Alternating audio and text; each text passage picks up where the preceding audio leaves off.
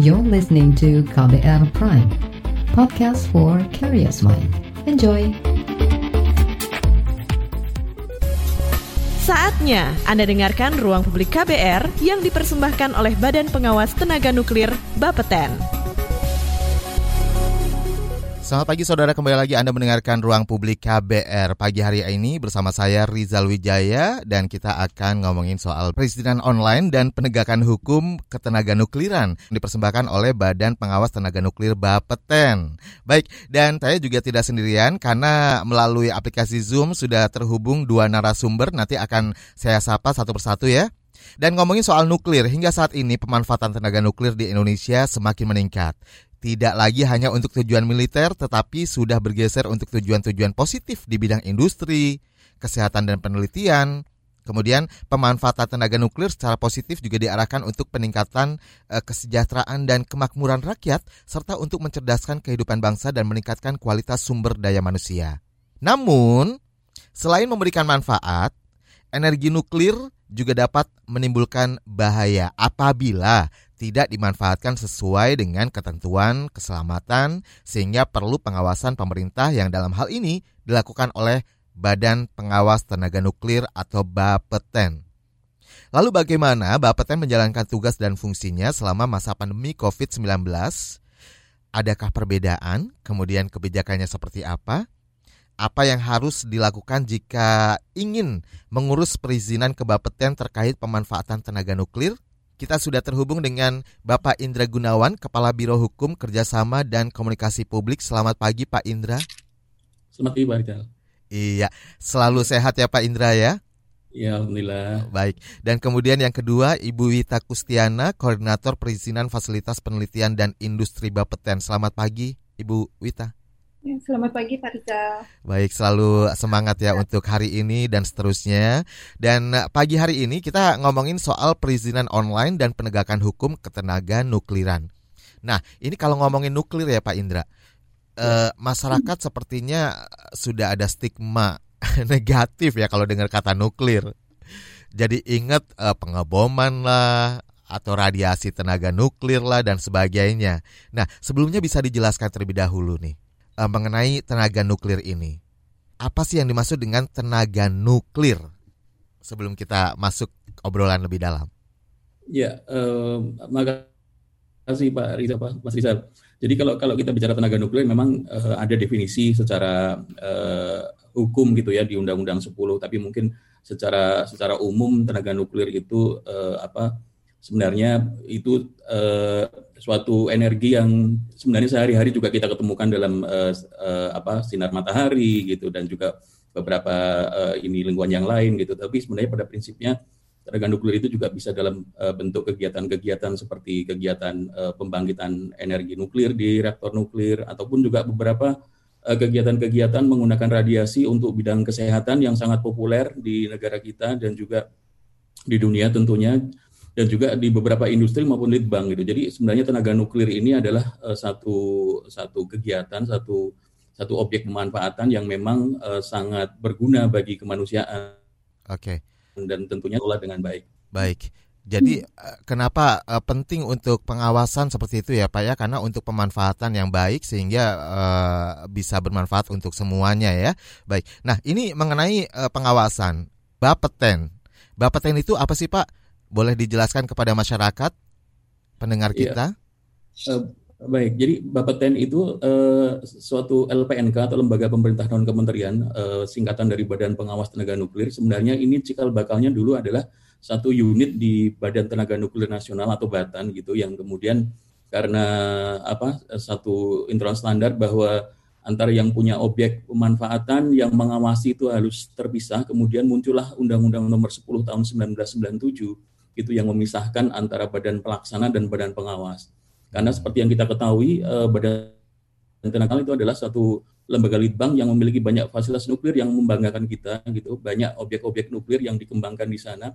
Dan tentunya juga seperti sifatnya bahwa tenaga nuklir itu perlu diawasi karena sifatnya yang ada risiko dan di di lain uh, di luar juga uh, apa uh, ke, uh, ininya manfaatnya gitu. Sehingga kemudian dibentuklah badan pengawas tenaga nuklir gitu yang juga uh, mengawasi uh, Batan dan juga semua uh, subjek hukum yang memanfaatkan tenaga nuklir begitu. Jadi Batan dengan Bapeten itu beda ya Pak ya? Betul. Dua Batan lembaga yang berbeda. Dulu kami sempat gabung, kemudian sekarang pisah. Karena kalau Bapeten itu memang fungsinya untuk mengawasi ya? Betul. Baik. Dan ini uh, Bapeten ini apakah hanya ada di satu tempat maksudnya untuk pusatnya di Jakarta atau ada di daerah-daerah atau seperti apa sih Pak?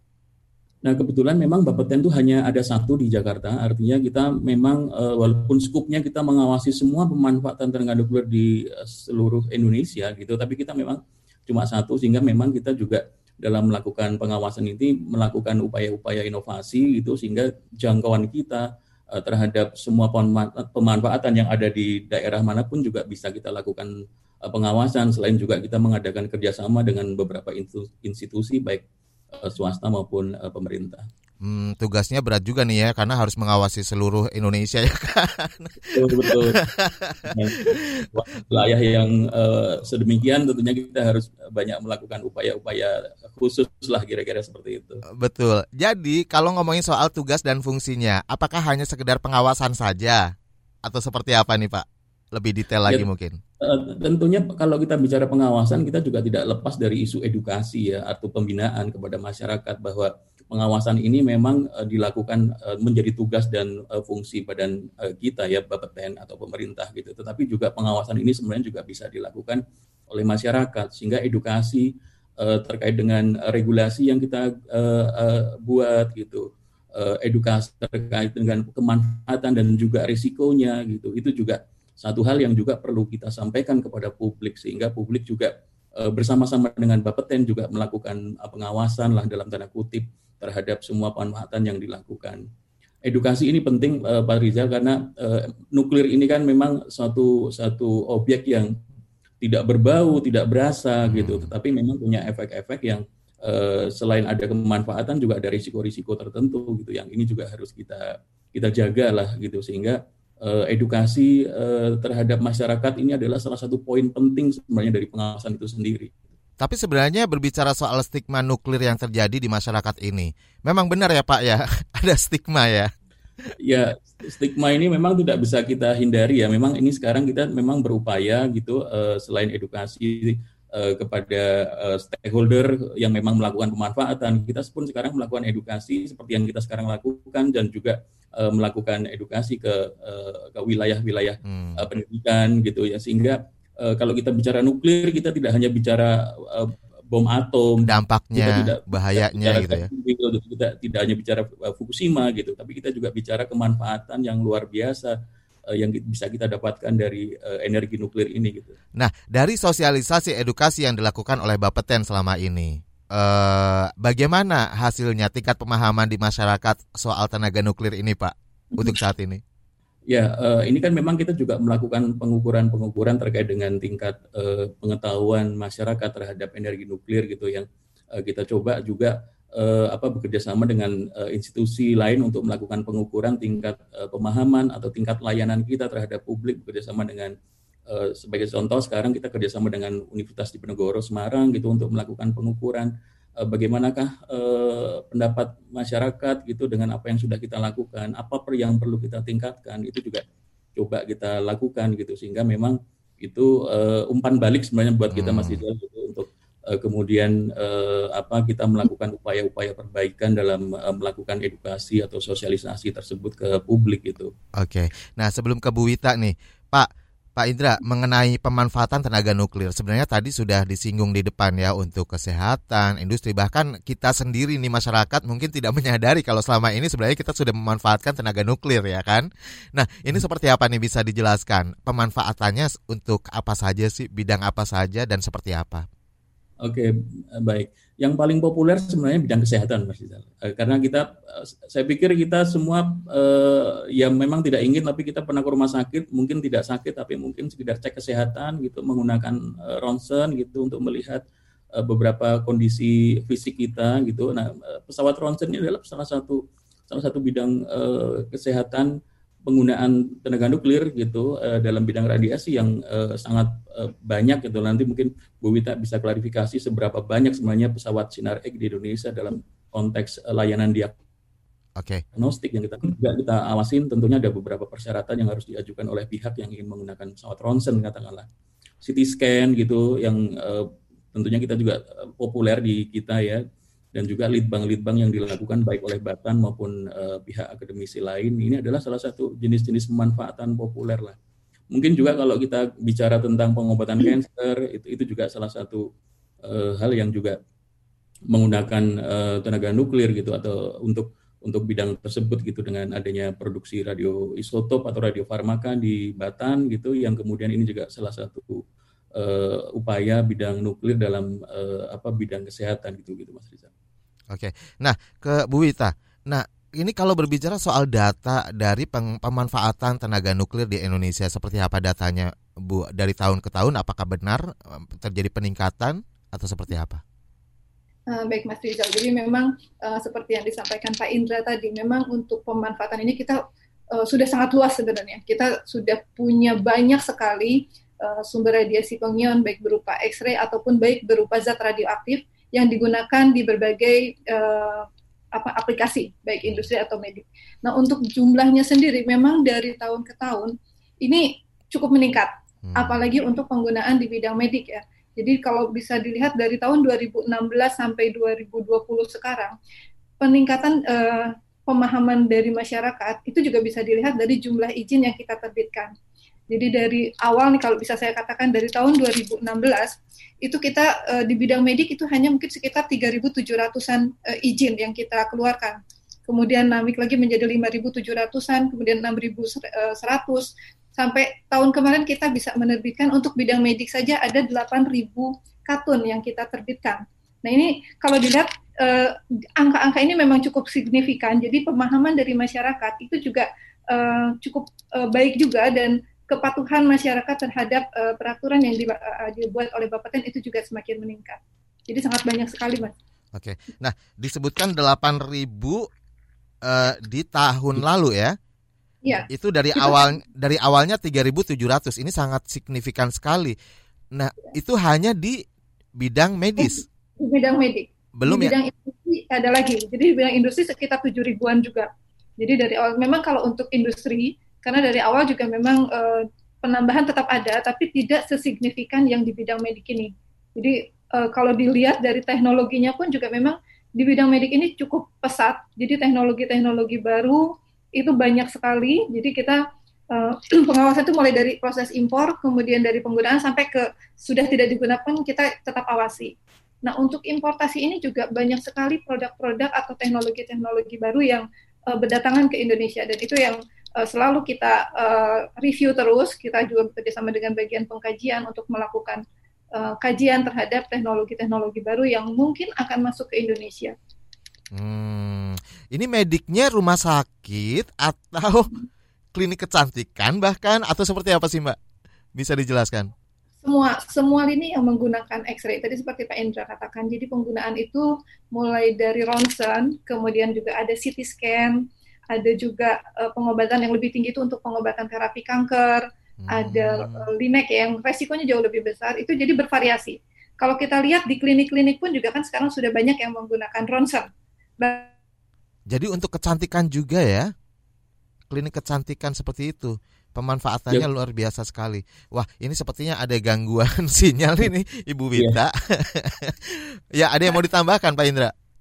di puskesmas juga ada yang menggunakan ronsen. Jadi okay. ini bervariatif mulai dari yang uh, ada. Halo Bu Wita. Ya. Ya tadi ada sedikit gangguan sinyal, mungkin bisa diulang sedikit. Oh iya.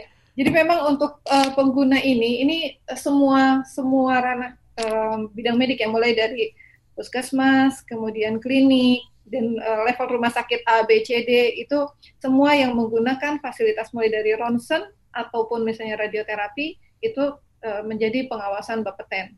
Okay. Tapi memang untuk radioterapi atau kedokteran nuklir yang risikonya lebih tinggi, maka level rumah sakitnya memang ada level rumah sakit yang uh, mendapat persetujuan dari Kementerian Kesehatan untuk melakukan uh, tindakan tersebut. Jadi mungkin level A dan B yang bisa melakukan. Nah, itu bidang kesehatan ya. Medik. Hmm. Nanti boleh lebih dalam lagi untuk bidang-bidang yang lain ya, Bu Wita dan juga uh, Bapak. Kita akan uh, bahas lebih dalam lagi. Tapi sebelumnya ini juga ada informasi buat anda. Ini sebagai salah satu upaya untuk mencegah penyebaran virus COVID-19. Bapeten Badan Pengawas Tenaga Nuklir meningkatkan kualitas pelayanan dengan mengeluarkan aplikasi berbasis web yang dinamakan Bapeten Licensing and Inspection System Online atau BALIS ya. Nah, bagi Anda yang ingin mengurus proses perizinan fasilitas radiasi dan tata radioaktif, persetujuan atau ketetapan dan juga perizinan petugas fasilitas radiasi di masa pandemi ini, anda bisa gunakan aplikasi Balis dengan mengikuti petunjuk yang tersedia. Nah, untuk info lengkapnya silakan kunjungi website balis.bapeten.go.id. Nah, kita juga nanti Pak Indra bakal ngobrolin soal Balis ini, aplikasi ini satu inovasi dari Bapeten ya Pak ya. Boleh, Ibu Wita ya. tetap standby di sini. Kita akan jeda terlebih dahulu. Setelah jeda kita akan kembali. Jangan ke mana-mana. Masih Anda dengarkan Ruang Publik KBR yang dipersembahkan oleh Badan Pengawas Tenaga Nuklir Bapeten. Saya Rizal Wijaya masih terus bersama dengan Badan Pengawas Tenaga Nuklir Bapeten. Kita masih ngomongin soal perizinan online dan penegakan hukum ketenaga nukliran, khususnya di era masa pandemi saat ini ya dan uh, masih bersama Bapak Indra Gunawan, Kepala Biro Hukum Kerjasama dan Komunikasi Publik, kemudian Ibu Wita Kustiana, Koordinator Perizinan Fasilitas Penelitian dan Industri semuanya dari Bapeten, dan kita terhubung melalui aplikasi uh, Zoom, jadi kita social distancing tetap ya Pak, Bu. Kangen juga nih siaran talk show di kantor Bapeten, biasanya kita di sana. ya iya. Karena pandemi, betul, tapi masih tetap uh, berjalan ya seperti tadi diutarakan oleh Pak Indra bahwa sosialisasi. Jadi Bapeten ini bukan hanya uh, fungsinya untuk pengawasan saja tapi juga edukasi, sosialisasi kepada masyarakat dan salah satunya bentuk sosialisasi edukasi yang dilakukan ya melalui talk show pagi hari ini ya Pak ya. Ya, dan uh, ke Ibu Wita terlebih dahulu nih, melanjutkan tadi pembicaraan sebelum kita jeda ya di bidang uh, medik. Di bidang medik ternyata bukan hanya di rumah sakit saja, tapi sudah sampai ke puskesmas-puskesmas, daerah-daerah bahkan pelosok gitu ya Ibu Ita ya. Baik. Nah, ini untuk eh, bidang-bidang yang lain seperti apa nih? Pemanfaatannya dan perizinannya tentu yang masuk sudah seperti apa? Uh, kalau untuk bidang industri mungkin uh, masyarakat juga udah tahu ya, Batan itu salah satu uh, pengguna uh, radioaktif atau sumber radiasi pengion yang sudah dikenal dari dulu mungkin ya daripada Bapeten mungkin ya. Uh, memang untuk penggunaan lead bank itu juga sudah banyak ada di Batan, kemudian ada di universitas-universitas atau misalnya juga di kementerian-kementerian. Sementara untuk industri ini cukup luas juga Pak. Jadi kalau misalnya kita lihat pengeboran minyak hmm. itu juga menggunakan uh, zat radioaktif yang digunakan untuk mentres. Jadi lokasi-lokasi pengeboran yang uh, masih mengandung minyak itu menggunakan zat radioaktif. Kemudian untuk uh, pengukuran retak uh, atau menentukan ada retak atau tidaknya suatu tembok atau jembatan itu juga bisa menggunakan uh, teknik uji tak rusak atau radiografi industri dengan menggunakan zat radioaktif atau juga X-ray. Kemudian untuk proses QC di pabrik-pabrik untuk mengukur ketebalan kertas biar misalnya ketebalan eh, ketebalan kertas itu sama rata atau sama semua itu juga banyak menggunakan X-ray atau juga zat radioaktif. Jadi banyak sekali sebenarnya aplikasi-aplikasinya. Jadi seperti di Uh, kalau misalnya kita minum Coca-Cola ya Pak ya, itu juga sebenarnya di teknik QC-nya itu juga ada menggunakan X-ray. Jadi mereka melakukan QC apakah di dalam kemasan botol atau di dalam kemasan kalengan itu mengandung uh, material lain, karena mungkin kan juga ada barang yang masuk atau um, material lain yang mungkin kecemplung lah misalnya di dalam uh, kemasan itu dan itu tidak terlihat. Nah, itu mereka melakukan teknik uh, deteksinya melakukan itu dengan X-ray. Hmm. Termasuk kalau misalnya Mas Rizal misalnya ke bandara ya, Betul. misalnya ke bandara itu kan melakukan pengecekan. ada ya pengecekan pengecekan bagasi. Nah pengecekan bagasi itu menggunakan X-ray juga. Nah ini sebenarnya uh, kalau dikatakan masyarakat itu sudah banyak sekali berhubungan dengan uh, tenaga nuklir. Tadi Pak Indra katakan banyak sekali sebenarnya tanpa disadari sebenarnya itu adalah nuklir yang manfaatnya sudah dirasakan oleh masyarakat. Itu masih. Baik, tapi yang ada di dalam benak masyarakat selama ini tenaga nuklir ya bahayanya saja ya. ya, ya karena kadang memang uh, kita kan selalu mengingat itu biasanya dampak negatifnya dulu, Betul. baru melihat manfaatnya. Jadi kalau ada yang negatif itu biasanya selalu dikenang terus gitu. Oke. Okay. Sementara yang kebaikan-kebaikan biasanya lebih gampang ketutup lagi dengan ini. Jadi kadang-kadang ada pepatah juga mengatakan bahwa seribu kebaikan bisa tutup dengan satu kejelekan gitu. Betul. Itu yang akan terus diingat. Baik. Ya. Nah, ini mengenai mengenai dampak atau yang terjadi eh, jika tanpa pengawasan. Mengapa penting yang namanya pengawasan ini ya dari Bapeten? Bisa dijelaskan mengapa pengawasan pemanfaatan tenaga nuklir ini harus dilakukan sih Pak Indra? Silakan boleh penjelasannya. Iya, uh, ya sebelum ke sana mungkin uh, tambah background lagi okay. Mas Rizal bahwa sebenarnya kalau kita bicara pemanfaatan uh, kita memang juga melakukan penggolongannya artinya uh, risiko itu kita kita gradasi ada low risk uh, Okay. Uh, yang berbicara uh, baik low risk sekalipun memang ada risiko sehingga itulah kenapa kemudian kita melakukan pengawasan uh, melalui peri, uh, perizinan oleh Bu Wita kemudian juga menyusun regulasi uh, dan kemudian juga melakukan inspeksi ke lapangan. Nah, pengawasan itu mengapa perlu kita lakukan? Karena memang objek ini adalah objek yang punya risiko, risiko terhadap uh, manusia, gitu, risiko terhadap lingkungan, lingkungan. alam, gitu. Nah, risiko-risiko inilah yang berusaha kita minimalisasi melakukan upaya-upaya pengawasan tadi. Kita sebenarnya konsepnya sederhana, hanya ingin memastikan bahwa orang atau subjek hukum, nah, baik badan atau badan hukum yang melakukan pemanfaatan nuklir itu memang mempunyai kemampuan, Mas Rizal, mempunyai hmm. kemampuan eh, teknis ataupun juga mempunyai tanggung jawab terhadap pengelolaan eh, objek yang memang mempunyai risiko-risiko bahaya tertentu seperti ini gitu. Sehingga dengan eh, dengan dengan memastikan ada ada SDM yang kompeten di bidang tersebut di di company tersebut ini adalah upaya-upaya kita supaya pemanfaatan itu memang di jalur yang benar gitu. Nah, ini sistem pengawasannya sendiri seperti apa sih Pak yang dilakukan oleh Bapeten? Uh, baik, jadi uh, pengawasan ini uh, mekanismenya kita lakukan mungkin mulai awal itu dari kita menyusun satu regulasi.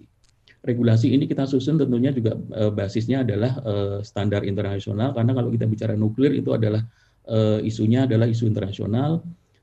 Kemudian juga kita melibatkan stakeholder, jadi tidak hanya isu internasional yang kita lihat, tapi juga kemampu laksanaannya di negara kita itu adalah dengan menyusun satu regulasi. Kemudian regulasi itu tentu saja kita lakukan dengan uh, melakukan layanan perizinan gitu, perizinan-perizinan yang dikeluarkan oleh unit perizinan baik uh, Bu Ita ini kebetulan dari uh, unit perizinan fasilitas radiasi dan zat radioaktif masih ada lagi sebenarnya layanan perizinan untuk instalasi dan bahan nuklir gitu. Hmm. Kemudian tentu saja dalam konteks perizinan untuk yang low risk uh, bisa saja kan memang melalui aplikasi yang kami uh, miliki Mas Rizal tapi juga kita nanti memastikan uh, apakah memang uh, di lapangan benar seperti itu dan kita, sehingga kita melakukan uh, inspeksi ke lapangan gitu untuk memastikan apakah dalam proses penggunaan uh, objek tersebut memang sesuai dengan ketentuan yang berlaku. Nah, itulah yang kemudian kita lakukan gitu secara uh, apa konsisten gitu uh, tentunya juga dengan dasar regulasi yang kita miliki sehingga kita ingin memastikan bahwa uh, penggunaan ini memang uh, isu justifikasi bahwa manfaatnya memang lebih besar daripada risikonya itu adalah fondasi kita melakukan uh, pemanfaatan tenaga nuklir. Jadi perlu digarisbawahi pemanfaatannya lebih besar daripada ya, ya manfaatnya lebih besar daripada uh, dampak gitu ya, dampak negatifnya ya. Oke. Okay. Ya. Baik. Dan uh, mengenai tahapan-tahapan ketika melakukan uh, pengurusan perizinan ini Ibu Wita bisa dijelaskan tahapannya seperti apa sih sebenarnya? Kebapetan juga kan? Pastinya Pak. Jadi untuk pengawasan, jadi untuk izin itu memang diajukannya ke Bapeten uh, dan syarat perizinannya itu kita juga sudah tertuang di dalam peraturan pemerintah nomor 29 tahun 2008 dan untuk masing-masing jenis kegiatan itu juga ada aturan uh, peraturan kepala Bapeten yang mengaturnya lebih uh, detail. Nah untuk uh, syaratnya memang kita membagi dua Pak. Ada syarat administrasi dan juga ada syarat teknis. Kalau administrasi memang uh, umum ya, mungkin di semua perizinan itu juga sudah umum dan sekarang uh, kita sudah terintegrasi juga dengan uh, online single submission untuk mengurangi nih uh, submit uh, apa namanya persyaratan administrasi secara berulang. Jadi kalau sudah tersinkron dengan OSS, kita tidak lagi mempertanyakan uh, persyaratan administrasinya. Sementara untuk uh, persyaratan teknis, nah ini memang uh, berbeda-beda tergantung dari jenis kegiatan atau jenis penggunaannya uh, prinsipnya sebenarnya memang ada beberapa hal yang perlu kita uh, minta atau kita jadikan persyaratan izin. Yang pertama adalah personil. Jadi kita harus memastikan bahwa ada personil yang berkompetensi untuk uh, mengoperasikan atau juga mengawasi pemanfaatan tenaga uh, nuklir itu di lapangan. Jadi kita ada personil namanya petugas proteksi radiasi yang memiliki izin dari Bapeten juga. Atau juga ada petugas khusus lain yang mungkin nanti juga uh, itu diperlukan dan itu juga mendapatkan izin dari Bapeten. Kemudian selain personil, kita juga uh, memerlukan peralatan. Peralatan itu dimasukkan untuk mendeteksi paparan radiasi yang dikeluarkan oleh alat ataupun untuk mengukur berapa radiasi yang diterima oleh personil di lapangan atau personil yang menggunakan peralatan tersebut. Dan peralatan itu juga harus dikalibrasi di lab uh, lain yang sudah terakreditasi atau juga sudah ditunjuk oleh Bapeten. Hmm. Kemudian persyaratan lainnya juga pastinya termasuk persyaratan yang berhubungan dengan uh, alat tersebut atau zat radioaktif atau X-ray-nya.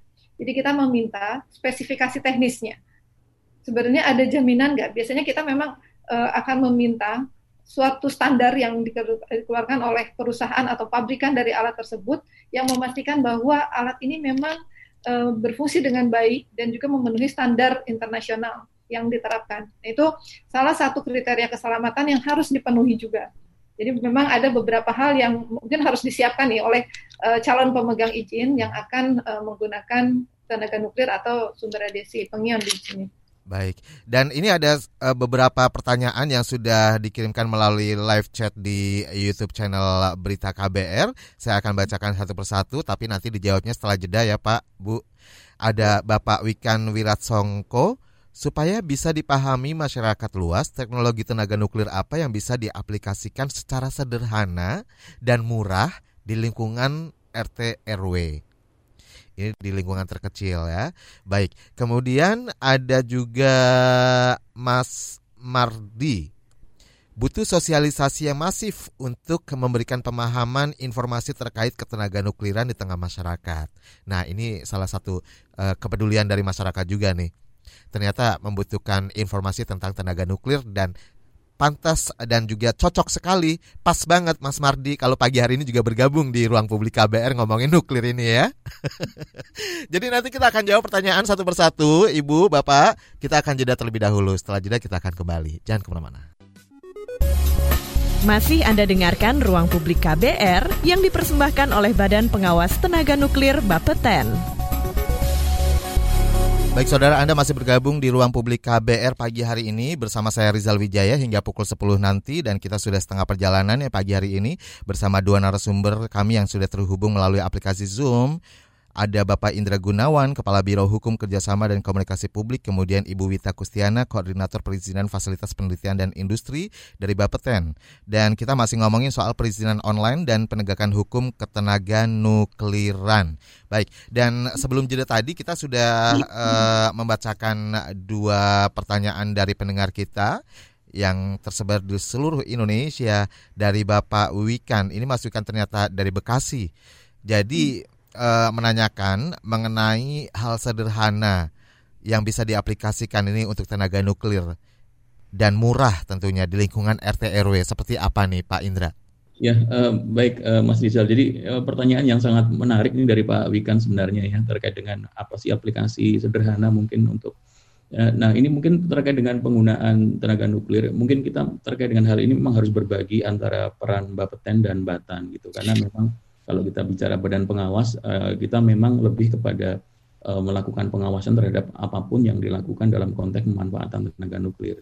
Baik itu sifatnya memang uh, tadi yang sudah disampaikan Bu Wita gitu atau memang yang sifatnya lead bank yang dilakukan oleh Batan. Hmm. Memang kita dalam konteks uh, ini mungkin uh, pertanyaannya lebih pas kalau ke teman-teman di Batan ya gitu. Tetapi dalam konteks kita dalam konteks pengawasan mungkin yang bisa saya sampaikan di sini kepada Pak Wikan adalah bahwa uh, siapa pun yang melakukan pemanfaatan uh, di level uh, apa pun memang harus sesuai dengan regulasi yang ada hmm. di uh, kita gitu ya yang sudah ditetapkan uh, jadi uh, uh, kita ya hanya memastikan bahwa apakah memang dalam pemanfaatan tersebut nanti memang tersedia personil yang cakap gitu yang memang sudah diotorisasi oleh Bapeten gitu sehingga memastikan bahwa pelaksanaan dari pemanfaatan itu memang sesuai dengan uh, standar keselamatan yang kita kembangkan gitu dan juga memang tidak tidak ada uh, risiko dampak-dampak terhadap lingkungan sekitar. Jadi kalau kalau dari konteks pengawasan seperti itu Pak. Cuma memang kalau kalau dalam prakteknya memang uh, mungkin kami belum belum apa ada contoh gitu ya skala RT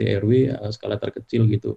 Memang ini yang paling populer kalau kita bicara pemanfaatan memang bidang medik. Tadi uh, mungkin yang low risk itu mungkin ronsen gitu ya Bu Wita ya. Uh, terkait dengan ronsen yang memang sudah sampai ke uh, fasilitas kesehatan terkecil memang uh, kalau kita bicara fasilitas kesehatan yang menggunakan ronsen kita juga harus bicara tentang Kementerian Kesehatan Mas Rizal okay. gitu karena yang mengotorisasi memang uh, dari Kementerian Kesehatan uh, terkait dengan uh, rumah sakit atau fasilitas kesehatan tipe apa gitu yang uh, boleh menggunakan alat ronsen katakanlah seperti itu nanti kita yang melakukan upaya-upaya pengawasan maupun perizinan gitu. Betul. Jadi kembali kepada Pak Wikan memang seperti itu Pak. Jadi kami memang uh, concern itu terhadap isu pengawasan maupun layanan perizinan terhadap pemanfaatan uh, apa pun gitu terkait dengan tenaga nuklir gitu. Baik, tapi seperti tadi sudah disinggung sama Ibu Wita sebenarnya ya kalau sehari-hari kita juga apalagi kalau yang sering pulang pergi ke luar kota di bandara gitu ya untuk pemanfaatan tenaga nuklir yang bisa kita rasakan sebenarnya kan. Oke, okay. dan ada penelpon juga yang sudah terhubung, ada Bapak Hengki di Sulawesi. Selamat pagi Pak Hengki. Selamat pagi KBR. Iya, selamat pagi. Silakan Pak Selamat Hengki. pagi para narasumber. Dari Pak Hengki Wongkar di Tomon, Sulawesi Utara. Luar biasa Sulawesi ya, Utara. Uh, Salam sehat ya. Uh, ya, sehat. Sehat-sehat. Uh, ternyata setelah saya ikuti kalau kalau dulu kan kita kalau de dengar nuklir pasti takut kan.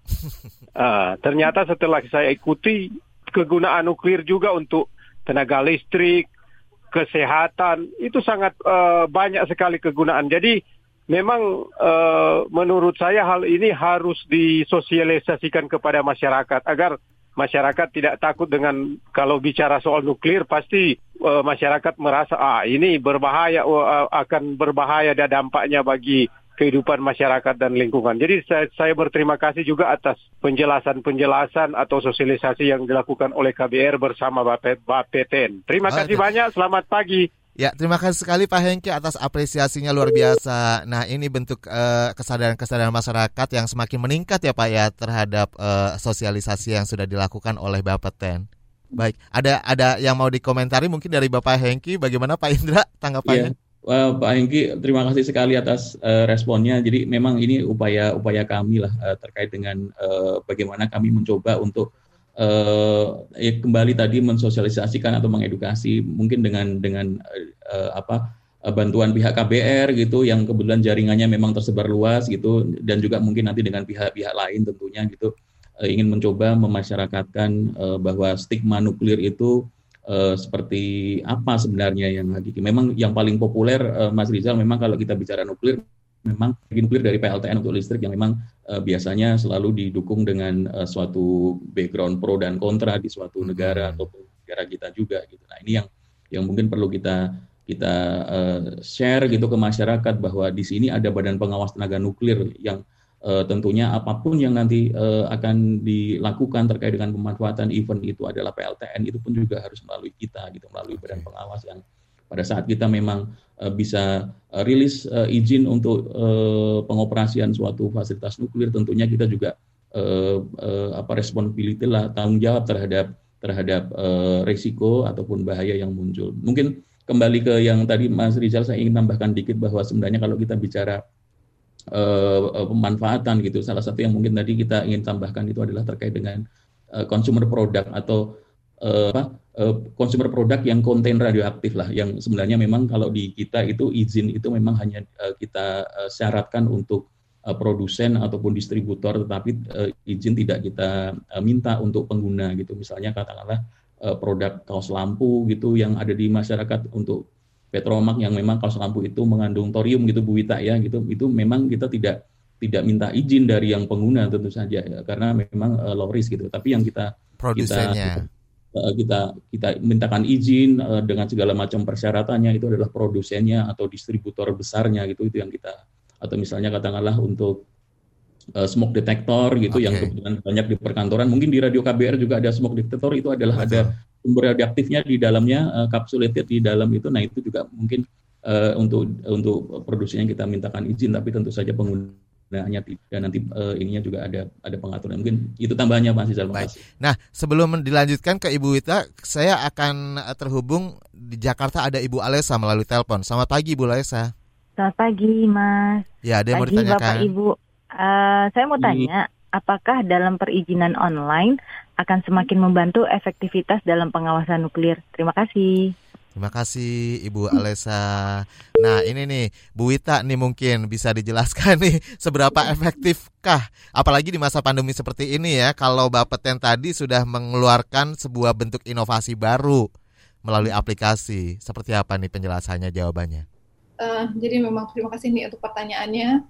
Jadi untuk perizinan online ini sangat terasa sekali manfaatnya, terutama di zaman uh, sekarang ya Pak ya di masa pandemi ini, di mana banyak kantor yang uh, tidak beroperasi dan mau tidak mau beroperasinya hanya dari rumah. Jadi semua bekerja dari rumah.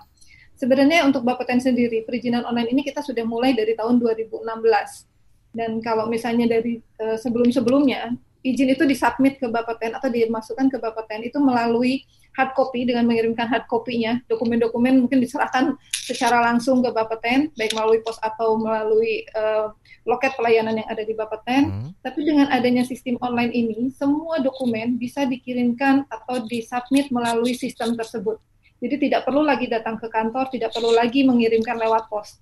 Dan pengirimannya pun bisa dilakukan di 24 jam. Jadi kalau dulu, wah ini harus melihat dulu jam kantor bukannya jam berapa, dengan online ini kita bisa menerima permohonan itu selama 24 jam. Jadi dibuka terus online. Meskipun misalnya kita nanti ada waktu untuk mengevaluasinya sesuai jam kerja hmm. dan kadang-kadang memang dari uh, bagian perizinan ini kadang-kadang juga bekerja di luar jam kerja untuk menyelesaikan evaluasi dari permohonan izin. Jadi memang kalau dilihat efektif ini sangat efektif dan sangat membantu sekali para calon pemegang izin untuk uh, mengajukan permohonannya. Jadi mau kapan pun, mau di mana pun. Waktunya lebih fleksibel ya Bu ya? Ya, waktunya fleksibel dan uh, bisa dilakukan di mana saja sesukanya okay. gitu. Jadi Baik. mau oh saya ada dinas ke mana itu juga bisa. Dan termasuk kami, kami pun bisa melakukannya juga di mana saja. Baik. Nah ini uh, sebagai bentuk inovasi uh, terbaru dari Bapeten ya, Pak Indra bisa ditambahkan nih nyambung aja deh ke aplikasi uh, Balis ya. Iya uh, baik. Bisa dijelaskan. Oke. Okay. Uh, inovasi ino, terkait dengan layanan perizinan uh, tadi sudah disampaikan oleh Bu Wita sebenarnya memang uh, untuk uh, create uh, balis gitu atau Bapeten licensing uh, untuk uh, perizinan itu mungkin dari 2016 untuk yang 2.0 ya Bu Wita ya tapi mungkin dari awal 2010 itu kita mungkin udah mulai tahapan walaupun uh, secara bertahap gitu Mas Rizal gitu. Nah kemudian uh, tentunya ini yang uh, ingin kami dorong sebenarnya supaya juga Eh, kita tidak uh, tumpukan kertas di kami Mas Rizal kalau dibayangkan di era dulu itu luar biasa gitu. Hmm. Nah, sekarang kita bahkan gudang itu sekarang sudah bersih gitu kita bisa gunakan untuk uh, kegunaan lain ini adalah salah Lebih satu paperless ya. impact dari uh, sistem balik yang tadi diterangkan oleh Bu Wita gitu. Nah, di era pandemi ini memang juga ada kebijakan-kebijakan uh, khusus yang kita lakukan karena memang ada beberapa hal yang eh, tidak mungkin kita lakukan gitu. Nah eh, ini yang yang apa eh, juga kita kembangkan misalnya juga layanan terkait dengan eh, kalibrasi yang dilakukan oleh eh, Batan gitu ya Bu. Memang kemudian juga kita eh, berikan satu kebijakan-kebijakan khusus gitu karena memang kebetulan juga layanan itu uh, tentunya juga mempunyai ada dampak terkait dengan isu pandemi Covid ini gitu. Hmm. Padahal itu adalah salah satu uh, apa fasilitas yang juga mendukung uh, atau infrastruktur dari uh, pengawasan kami gitu. Dan juga upaya-upaya pelatihan yang dilakukan oleh eh, lembaga pelatihan yang diotorisasi oleh Bapeten katakanlah seperti itu gitu. Dan okay. uh, kemudian kita juga membuat satu uh, komitmen bersama dengan lembaga pelatihan untuk mencoba membuat satu mekanisme pelatihan dengan media online gitu. Bagaimana uh, bagi, uh, um, uh, mekanisme baru ini juga uh, kualitas uh, pelatihannya juga uh, bisa dipastikan sama katakanlah seperti itu kualitasnya dengan Eh, pada saat uh, sebelum di era pandemi. Ini adalah beberapa uh, kebijakan-kebijakan kami atau inovasi lakukan dalam konteks bagaimana supaya layanan terhadap masyarakat itu tidak berkurang, even itu sekarang kita sedang mengalami cobaan pandemi COVID. Baik, uh, Pak Indra, nanti kita lanjutkan kembali. Dan sekaligus nanyain juga soal ini Pak, apa namanya bentuk-bentuk pelanggaran yang terjadi selama ini dari hasil pengawasan yang dilakukan oleh Bapeten dan ke Bu Wita juga nanti ada pertanyaan beberapa nih dari pendengar kita yang menanyakan soal masa berlaku izin dari uh, ini apa namanya Bapeten ya. Baik, jangan ke mana-mana kita akan jeda terlebih dahulu, kita akan lanjutkan hingga pukul 10 nanti tetap di ruang publik KBR. Masih Anda dengarkan Ruang Publik KBR yang dipersembahkan oleh Badan Pengawas Tenaga Nuklir Bapeten. Ya, kita masuk bagian akhir di ruang publik KBR pagi hari ini yang dipersembahkan oleh Badan Pengawas Tenaga Nuklir Bapeten dan soal perizinan online dan penegakan hukum ketenaga nukliran. Dan pagi ini kita juga masih bersama Bapak Indra Gunawan, Kepala Biro Hukum Kerjasama dan Komunikasi Publik, Ibu Wita Kustiana, Koordinator Perizinan Fasilitas Penelitian dan Industri, bersama saya Rizal Wijaya. Baik, nah tadi mengenai bentuk pelanggaran yang uh, sering terjadi mungkin dari pe hasil pengawasan Bapeten ini seperti apa? Pelanggaran-pelanggaran seperti apa Pak yang paling banyak dilakukan?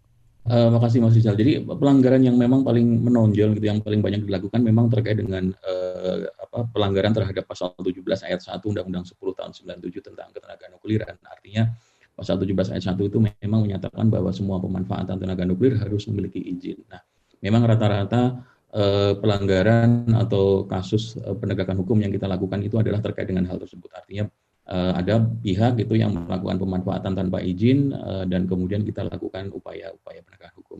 Tapi di sini mungkin juga perlu kita sampaikan bahwa uh, penegakan hukum ini sebenarnya adalah upaya upaya terakhir Mas Rizal, upaya terakhir yang kita lakukan gitu dalam konteks setelah upaya-upaya lain yang kita lakukan mulai dari edukasi, pembinaan, apa pun yang bisa kita lakukan dalam konteks supaya masyarakat juga mengetahui dan sadar tentang risiko gitu.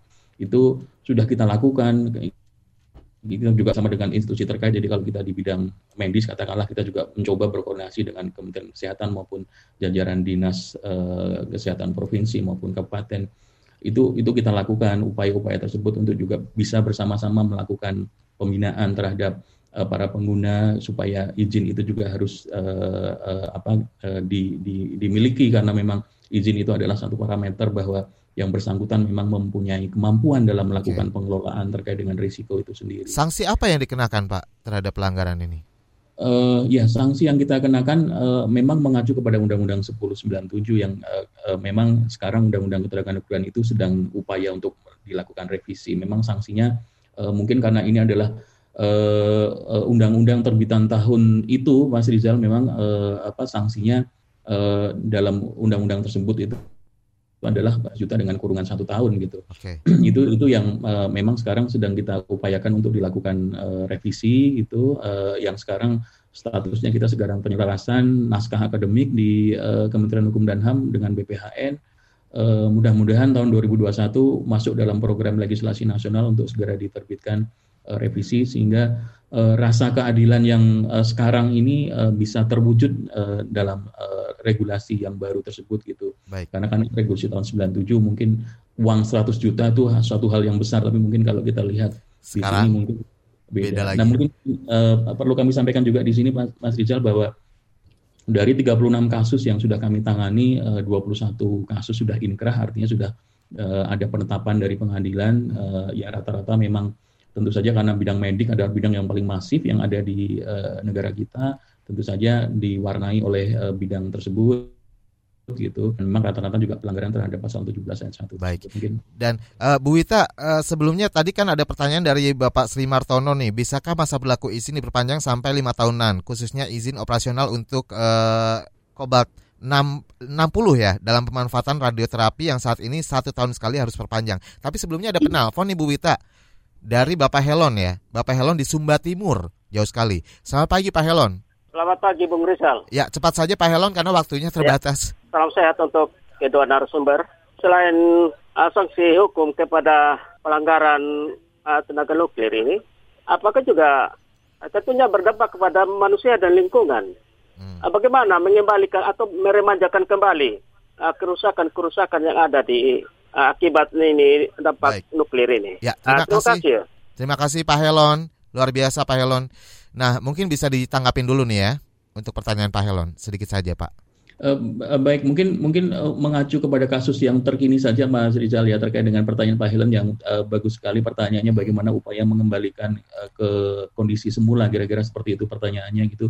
Uh, kita sekarang sedang menangani kasus Batan uh, di komplek Batan Indah di mana mungkin masyarakat uh, banyak sudah mengetahui bahwa ada orang yang atau pihak yang tidak bertanggung jawab uh, dalam tanda kutip membuang satu uh, sumber bekas gitu ke dalam satu wilayah di Komplek Batan Indah yang sekarang memang kita bekerjasama dengan pihak Batan gitu melakukan upaya-upaya mengembalikan ke kondisi semula supaya uh, bisa di, digunakan lagi oleh masyarakat secara normal gitu. Jadi upaya memang pada yang sekarang kita lakukan melakukan uh, upaya pengerukan dan sekarang sudah kita lakukan pembetonan gitu. Nah itu adalah mungkin salah satu upaya dan kita ukur lagi apakah memang paparannya juga sudah kembali ke paparan uh, normal. Nah itu mungkin salah satu uh, hal yang uh, apa baru saja kita lakukan Pak Rizal. Oke, nah ini Bu Ita mengenai perizinan uh, masa berlakunya seperti apa bisa uh, dikasih penjelasannya? Uh, masa berlaku izin ini tergantung dari jenis pemanfaatannya. Jadi memang bervariatif Pak. Ada yang satu tahun sampai lima tahun. Kalau memang resikonya lebih rendah, pasti dia masa waktunya uh, paling lama yang lima tahun itu. Nah, khusus kasus Pak Helom tadi yang uh, bertanya tentang masalah izin penggunaan uh, terapi dengan menggunakan zat radioaktif kobalt, memang saat ini kita memberikan masa berlaku izin ini satu tahun. Hmm. Karena resikonya memang cukup tinggi ya dibandingkan dengan yang lainnya. Okay. Tapi dalam uh, ke depannya, kita saat ini sedang menyusun uh, perubahan peraturan pemerintah nomor 29, uh, di mana di dalam peraturan yang baru nanti, kita akan memperpanjang masa berlaku izin menjadi lima tahun. Jadi semuanya akan diperpanjang menjadi lima tahun. Ya harapannya ini juga akan uh, meningkatkan lagi kepuasan masyarakat terhadap uh, perizinan yang diberikan Bapeten dan mempermudah lagi proses perizinannya. Betul. Jadi terus uh, berinovasi dan terus memperbaiki uh, tingkat pelayanan kepada masyarakat gitu ya dari Bapeten. Baik, dan uh, waktunya terbatas jadi banyak sekali sebenarnya pertanyaan-pertanyaan apakah uh, saya hanya perlu bacakan saja mungkin ya. Kalau ada yang perlu dijawab mungkin sekaligus sebagai closing statement karena waktunya sangat terbatas. Uh, ada Aprilia Fitriaya Suti saya mau bertanya apakah selama pengurusan izin e, peralatan radiografi tidak boleh digunakan gitu. Kemudian Ibu e, Ginting, apakah penggunaan nuklir di kehidupan sehari-hari tidak akan ada risiko dalam jangka panjang dan sebagainya. Nah, sekaligus pesan kepada masyarakat dari kedua narasumber kita pagi hari ini. Silakan dari Pak Indra. Ya baik, Wah, terima kasih atas atensi yang luar biasa dari dari masyarakat. Uh, mungkin yang pertama itu adalah uh, apa uh, publik uh, Bapak Ibu semuanya masyarakat silahkan uh, tidak hanya di dalam dalam forum ini silahkan untuk uh, menanyakan apa pun atau memberikan informasi apa pun kepada uh, Bapeten gitu melalui media sosial Bapeten baik Instagram, Twitter maupun Facebook gitu uh, Bapeten gitu yang juga bisa diakses oleh Bapak Ibu uh, semua menanyakan apa pun yang belum bisa kita jawab di di forum kali ini okay. gitu. Uh, mungkin mungkin itu dulu Pak Sri. Baik. Dari Ibu Wita silakan yang terakhir sedikit saja.